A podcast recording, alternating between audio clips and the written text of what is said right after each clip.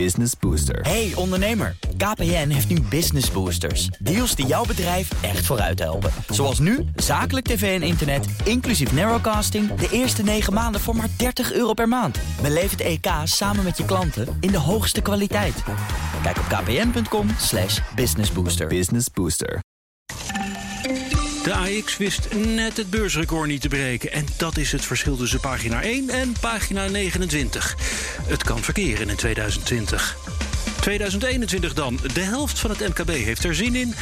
Een derde staat het water aan de lippen. En Duitsland is nog maar net begonnen met vaccineren. Of de vers gevaccineerden vragen zich af of ze nu eindelijk weer naar de biergarten mogen. Dit is Nieuwsroom, de dagelijkse podcast van het Financiële Dagblad en BNR Nieuwsradio... met het nieuws verteld door de journalisten zelf.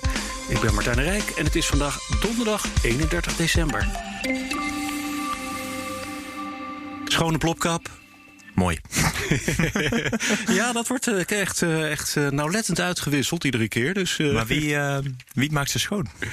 Die gaan met z'n allen in de, in de wasmachine. En dat Oh, doet ze van, ja, serieus. En als je niet uitkijkt, je moet dus ook echt eventjes... als je ze uit de bak pakt, moet je even kijken of ze wel echt goed droog zijn. Want dat Dan zit je in de bubbels te praten. Dan zit je in de bubbels te praten. Ja. Goed zo. Lennart eh, Zandbergen. Yes. Toen kreeg ik op jou, opeens van jou een appje. En ik stond zelf op dat moment bij eh, eh, het kabinet voor de deur te wachten. totdat ze naar buiten zouden komen voor. eh, nou ja, na hun dringende vergadering over de coronatoestanden. Ja. En toen kwam het berichtje van jou van ja, ze komen wat tekort. Ja, precies. Die. Eh, ja, 0,09 punten. 0,09 punten, te weinig. ja. ja, dat was eh eergisteren. Gisteren was het eh, ook iets van een punt of zo. Echt helemaal niks. Maar Ja. ja, ja de Ajax staat heel dicht bij eigenlijk de hoogtes die sinds internetbubbel niet meer gezien zijn. Ja, en dat betekent dus eigenlijk dat waar ja, je eigenlijk, zoals beloofd, op de voorpagina Ja. zou terechtkomen. Met je verhaal naar pagina 29, geloof ik, bent gezakt. Ja, met dan het, eh, ja, het. Een beetje het moedje van de krant. ja.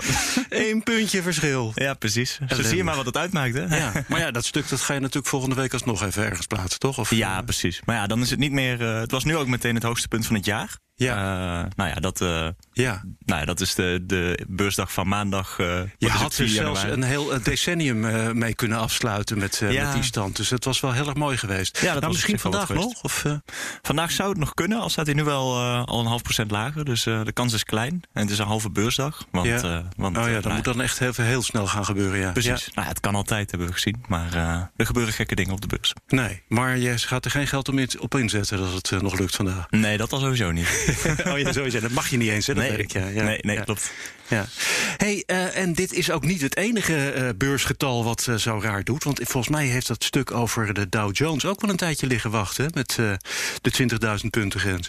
Ja, klopt. Dat was toen ook wel een hele leuke. Ondertussen zitten we alweer bijna op 30.000. Maar toen die door de 20.000 zou gaan, dat was ook een soort... Ja, dan merk je toch dat het een soort magische grens is... waar beleggers zich heel erg op instellen. En ja, dan komt hij er maar niet doorheen. Dat stuk heeft uiteindelijk eh, een maand of drie, vier gelegen, waar, geloof ik, uit mijn hoofd. Ja. Die, eh, ja, dus die auteur die heeft steeds maar weer eh, zitten kijken van... oh, hij komt er nu wel weer dichtbij. Oh, nee, toch Even, niet. even een beetje updaten, Ja. want anders moet ik dat morgenochtend helemaal heel snel doen. Precies. Nou ja. Dan, ben je toch een hele tijd bezig met nou ja, iets wat eigenlijk gewoon een, ja, niks voorstelt, een getal. Maar ja, mensen zijn toch wel heel erg gericht op dat soort psychologische grenzen. Dus hoogste ooit, een mooi rond getal is 20.000. Dat was ook bij de Ajax toen die door de 5 en 600 ging natuurlijk. Ja, was het een klein feestje. Nou, was het natuurlijk gewoon even goed alsnog een eh, best wel heel erg goed eh, beursjaar. Ja, nou ja, als je bedenkt wat er is gebeurd, inderdaad, eh, Ja. inderdaad wel, ja. Want nu staat, nou ja, eigenlijk, de Ajax heeft maar een paar procent gewonnen op jaarbasis. Dus de stand van het begin van het jaar is maar ietsje lager dan nu. Eh, maar ja, tussendoor eh, laten we niet vergeten dat die beurs ondertussen flink is ingeklapt. Eh, uiteindelijk zaten we ergens in de 360 punten, stond geloof ik de Ajax in maart. Ja. Nou ja, en vanaf dat punt zijn we weer 60% omhoog gegaan. Dus wie toen op het dieptepunt is ingestapt, heeft een goede zet gedaan. Ja. En eh, ja, nee, dat is toch wel. eh, daarmee is het wel een heel opvallend beursjaar, inderdaad. Ja, want ik kan me niet voorstellen dat er veel beursjaren zijn waarin zo'n diep dal zit, uh, wat vervolgens ook weer gewoon helemaal wordt goedgemaakt.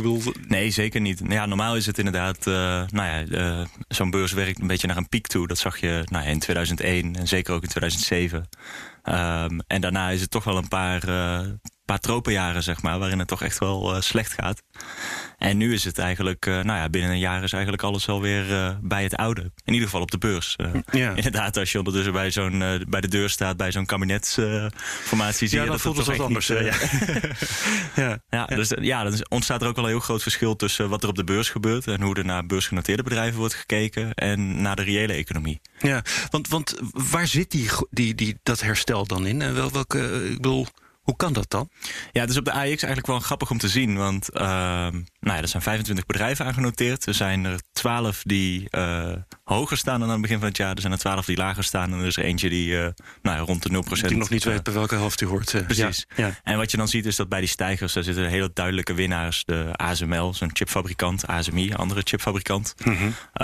ook natuurlijk Just Eat Takeaway. nou ja, van de maaltijdbezorgers. Dat zijn wel de bedrijven die natuurlijk heel erg hebben geprofiteerd... van alles wat met internet te maken heeft. En dat is natuurlijk afgelopen jaar heel erg hard gedaan. Ja. Over de hele wereld. Ja, dan koop je een computer en dan ga je een takeaway bestellen. En Precies. Dat is een beetje het corona-verhaal. Ja. Dat is uh, ja, inderdaad helemaal het corona-verhaal. Nou ja, natuurlijk ook Ahold Delhaize, wat zowel Bob.com heeft als natuurlijk al die uh, supermarkten. Die hebben het ook heel goed gedaan. En aan de andere kant heb je een bedrijf als Unibel Rodam Rodamco. Dat is een ja, uitbater van winkelcentra. Nou, die hebben niet zo goed jaar achter de rug natuurlijk. Nee. En ja, ze zijn er nog wel een paar, die, paar bedrijven, ja, dat kan je wel indenken, die heel veel last hebben gehad van het coronajaar. Ja, en dan blijkt die, die AEX, ja, dan blijkt die AEX op die manier toch nog wel, want dat wordt vaak gezegd, hè, uh, ja. dit is niet uh, de economie waar je naar kijkt als je naar de AX kijkt. Maar zo'n tweedeling, ja, het, het, het, lijkt wel degelijk op de economie. Want ja, we zien dat overal om ons heen, dat bepaalde bedrijven daarvan profiteren van de veranderende situatie en anderen dat helemaal niet doen. Ja, absoluut. Ja, het is uh, afgelopen zomer werd dat al voorspeld, een soort K-vormig herstel, waarbij je inderdaad een soort, oh, ja, ja, de helft gaat omhoog en de helft gaat omlaag. Ja, dat is inderdaad wel wat je ziet. Maar tegelijkertijd spelen er ook wel wat andere dingen mee. Uh, er is natuurlijk heel veel geld uh, vanuit de centrale banken is richting de financiële markten gestuurd. Dus wat je dan ziet is dat uh, nou ja, de rentes op obligaties en op spaarrekeningen... die zijn allemaal uh, nou ja, nul of nog minder dan dat. En dan ga je, ga je toch krijgen dat mensen en uh, beleggers toch wel heel erg gaan kijken van ja, waar kunnen we nog wel winst maken? Waar kunnen we nog wel geld vandaan halen? Ja, dan en wat kom je bij de beurs uit. En dan kom je ja. inderdaad bij de beurs ja. uit. En wat er nu nog, nog extra meespeelt, is dat het dit voorjaar wel heel veel nieuwe beleggers zijn bijgekomen. Eigenlijk jongeren die normaal uh, nou ja, druk zijn met uh, leukere dingen doen. Die hadden nu eigenlijk niks meer te doen, want er mocht niks meer. Uh, en die uh, zijn toen toch maar gaan beleggen. Want zeker ook, uh, ja, toen, toen, stond die beurs heel laag. Dus er zijn best wel wat mensen, denk ik, ingestapt op, op het dieptepunt. Of rond het dieptepunt. En die kunnen best wel een mooi rendement hebben gehaald. een soort beginnersgeluk. Ja, wat geweldig zeg. Ja, en het grappige is dat ze dus niet alleen takeaway hebben besteld op hun nieuwe computer. Maar dus ook zijn gaan beleggen. Ja, ja klopt. Ja. Ja, dus uh, ja, brokers zoals de Giro en Links en Bux... die hebben daar toch wel uh, flink van geprofiteerd. Want daar zijn die mensen allemaal gaan beleggen.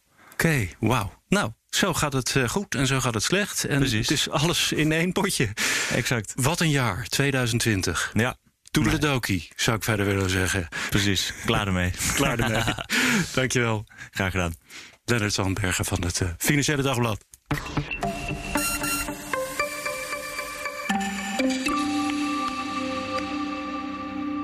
Waar zullen we eens beginnen, Diederik? Um, nou, ik zou gewoon beginnen met. Uh, eigenlijk als je zeg maar. Heb je de webartikel voor je? Hier? Nee, heb ik niet voor me. Ik heb wel het, uh, oh, het nee. onderzoek zelf uh, van ONL, ja, ja, de, de, de pagina's. Ik, zou gewoon, ik, wat ik gewoon zou doen is gewoon beginnen met dat veel in de liquiditeitsproblemen zeggen te zitten. Daarna dat er zo'n tweedeling is kan ook nog even ingaan op dat we dus met de evenementenbranche hebben gesproken. Ja. Als, als inkleuring. Nou, dat komt uh, vrijwel overeen met wat ik van plan was. Zie ik opeens, want ik heb het papiertje weer teruggevonden. Great minds think alike. Think alike, ja. ja.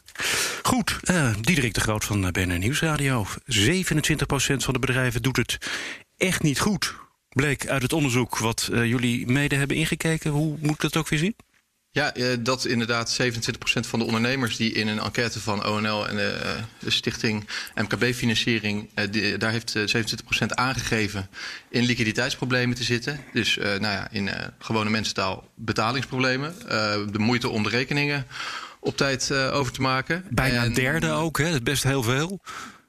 Ja, nee, inderdaad. Het, uh, nou ja, het zijn uh, exceptionele tijden, in negatieve zin in dit geval. Um, bijna in alle gevallen trouwens. Maar uh, wat ook opvallend is hier aan dat cijfer... is dat dat dus in de afgelopen korte periode... dat we pas in een lockdown weer zitten... ja, echt extreem snel is toegenomen. Dus zo goed als verdubbeld. dus nou ja, de... Er is een hoop negativiteit bijgekomen voor ondernemers sinds die tweede lockdown in effect is. En dan heb je dus een hoop ondernemingen die het slecht doen. Maar gek genoeg ook wel weer een hoop ondernemingen die het juist goed doen. Of in ieder geval er vertrouwen in hebben, laat ik het zo zeggen. Ja, dat, dat, uh, daarmee doe je op de 45% die uh, ja. aangeeft te gaan investeren. Dat is meer dan nieuwe jaar bijna de helft. Ja, ja, nee, inderdaad. Dat is natuurlijk sowieso positief. Dus uh, dat kan natuurlijk wel twee dingen zijn. Want ja, je zegt het gaat goed, inderdaad. Dat moet je dan wel nuanceren naar uh, dat het misschien ook een vlucht naar voren is. Uh, omdat dat wordt gezien als optie om het weer goed te laten gaan. Dus mm -hmm. het, wil, het is natuurlijk niet gezegd dat een bedrijf dat nu investeert niet ook gewoon problemen ziet komen. Maar nou ja, dat gewoon ook als een uitweg ziet. En aan de andere kant heb je dan een, bedrijven die in deze periode, waarin je natuurlijk in veel sectoren naar creatieve oplossingen moet denken om alsnog wat geld te verdienen. Uh, nou ja, die dat misschien succesvol hebben gedaan of succesvol denken te gaan doen. En daar is mhm. natuurlijk geld voor nodig. En uh, nou ja, die kansen die worden dan gelukkig ook nog gepakt. Uh, ja. Want 45% inderdaad, dat is zeker in deze tijd, lijkt mij dat een, een mooi cijfer. Ja.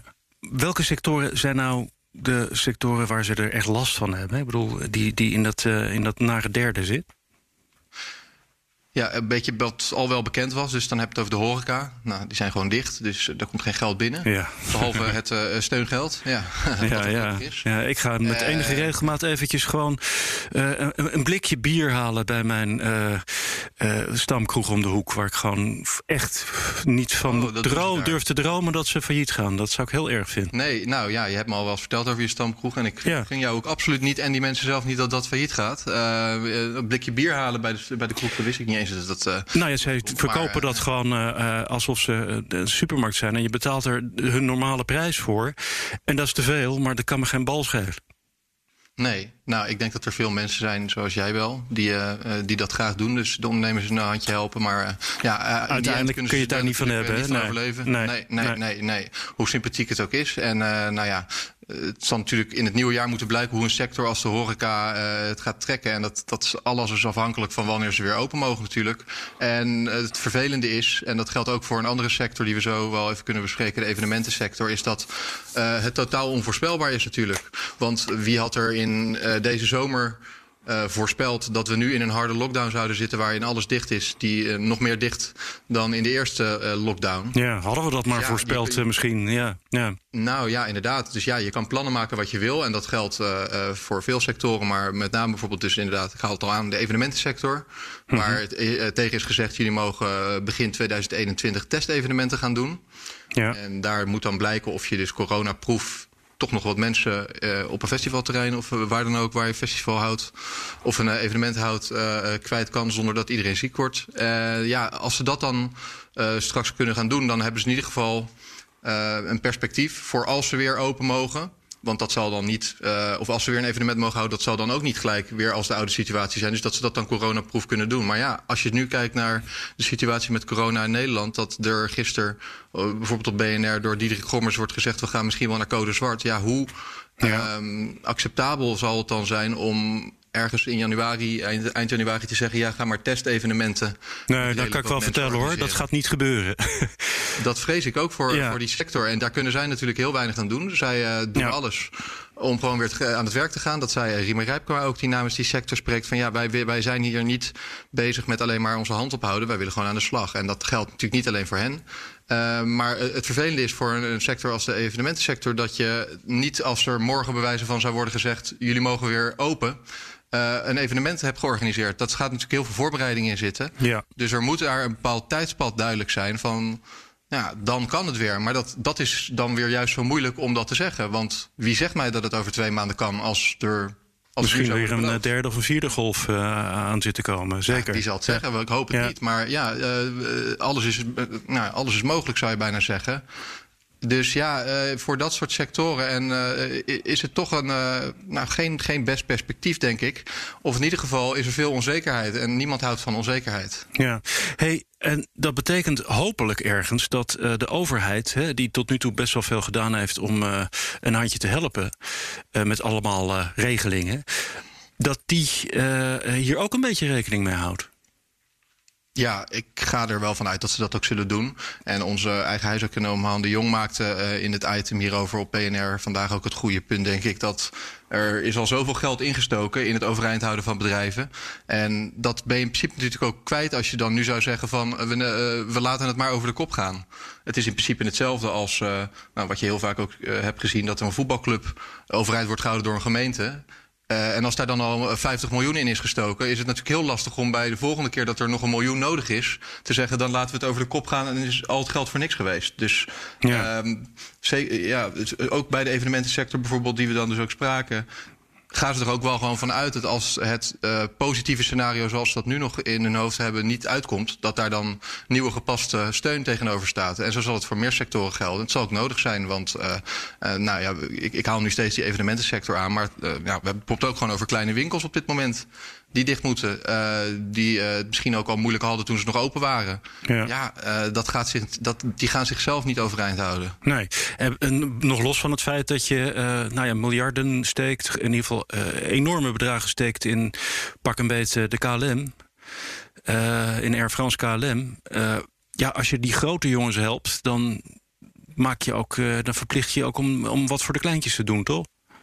Ja, ik weet niet of het altijd zo werkt. Uh, er zal altijd een belangenafweging worden gemaakt, maar ik denk dat het wel zo werkt in dit geval. Politiek wel. Uh, want want ja. ja. nee, ja, maar, maar ook gewoon omdat we in de eerste uh, periode hebben gezien en nu nog steeds hebben gezien dat steunmaatregelen gewoon uh, worden opgetuigd over de breedte.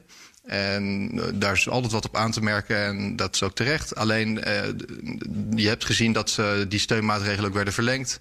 Dat daar wat meer maatwerk werd geleverd. En terwijl eerst natuurlijk niet per se de insteek was van wij gaan uh, een jaar of langer heel veel miljarden uitgeven om bedrijven omhoog uh, uh, in leven te houden. Ja. Maar ja, als de overheid dan blijkbaar ziet dat het gewoon nodig is, dan doen ze dat toch. Want ja, het is ook het is makkelijker om een bedrijf over de kop te laten gaan dan om het weer terug te krijgen. Wat ja. er nu kapot gaat, krijg je niet zomaar meer terug. Nou ja, kortom, 2021 zal nog wel een beetje last hebben van 2020 als je het zo bij elkaar optelt. Ik, ja, ik, ik had de vaste luisteraars graag met een leuke positieve nieuwjaarsboodschap uh, de, de nacht ingestuurd. Ja. Alleen uh, in dit geval heb ik hem niet. Ik hoop je andere gasten.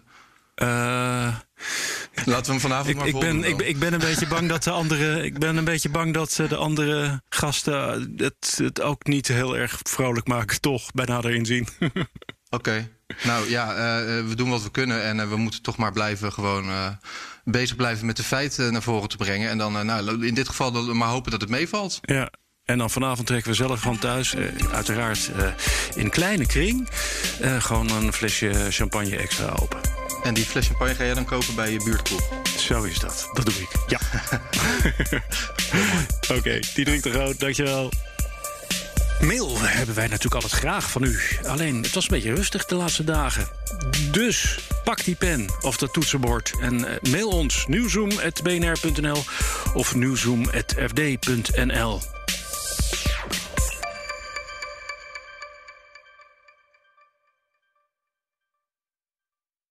Gerber van der Marel, eh, FD-collega in Berlijn. Waar waren wij gebleven? Want onze verbinding die vloog eruit. We hadden het over... Uh, in dit tempo gaan de Duitsers er tien jaar over doen... om iedereen ingeënt te krijgen. Ja, kijk, het moet wel gezegd worden. De Duitsers hebben natuurlijk een geweldige prestatie verricht... door uh, eigenlijk uh, het vaccin uit te vinden. Dat is in Duitsland uitgevonden en samen met Pfizer zelf verder ontwikkeld.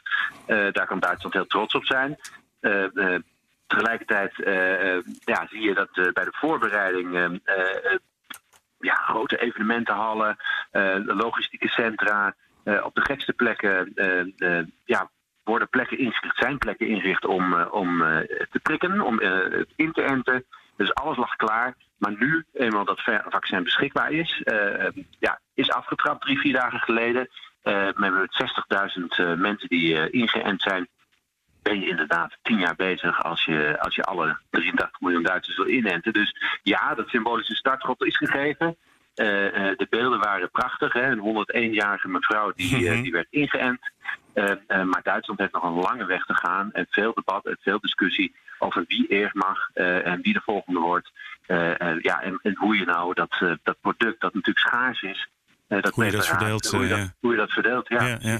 ja wij uh, in Nederland schamen ons een beetje voor uh, het feit dat we zo uh, achteraan sluiten. Maar in, in Duitsland gaat het dus ook niet allemaal helemaal op rolletjes, zal maar zeggen.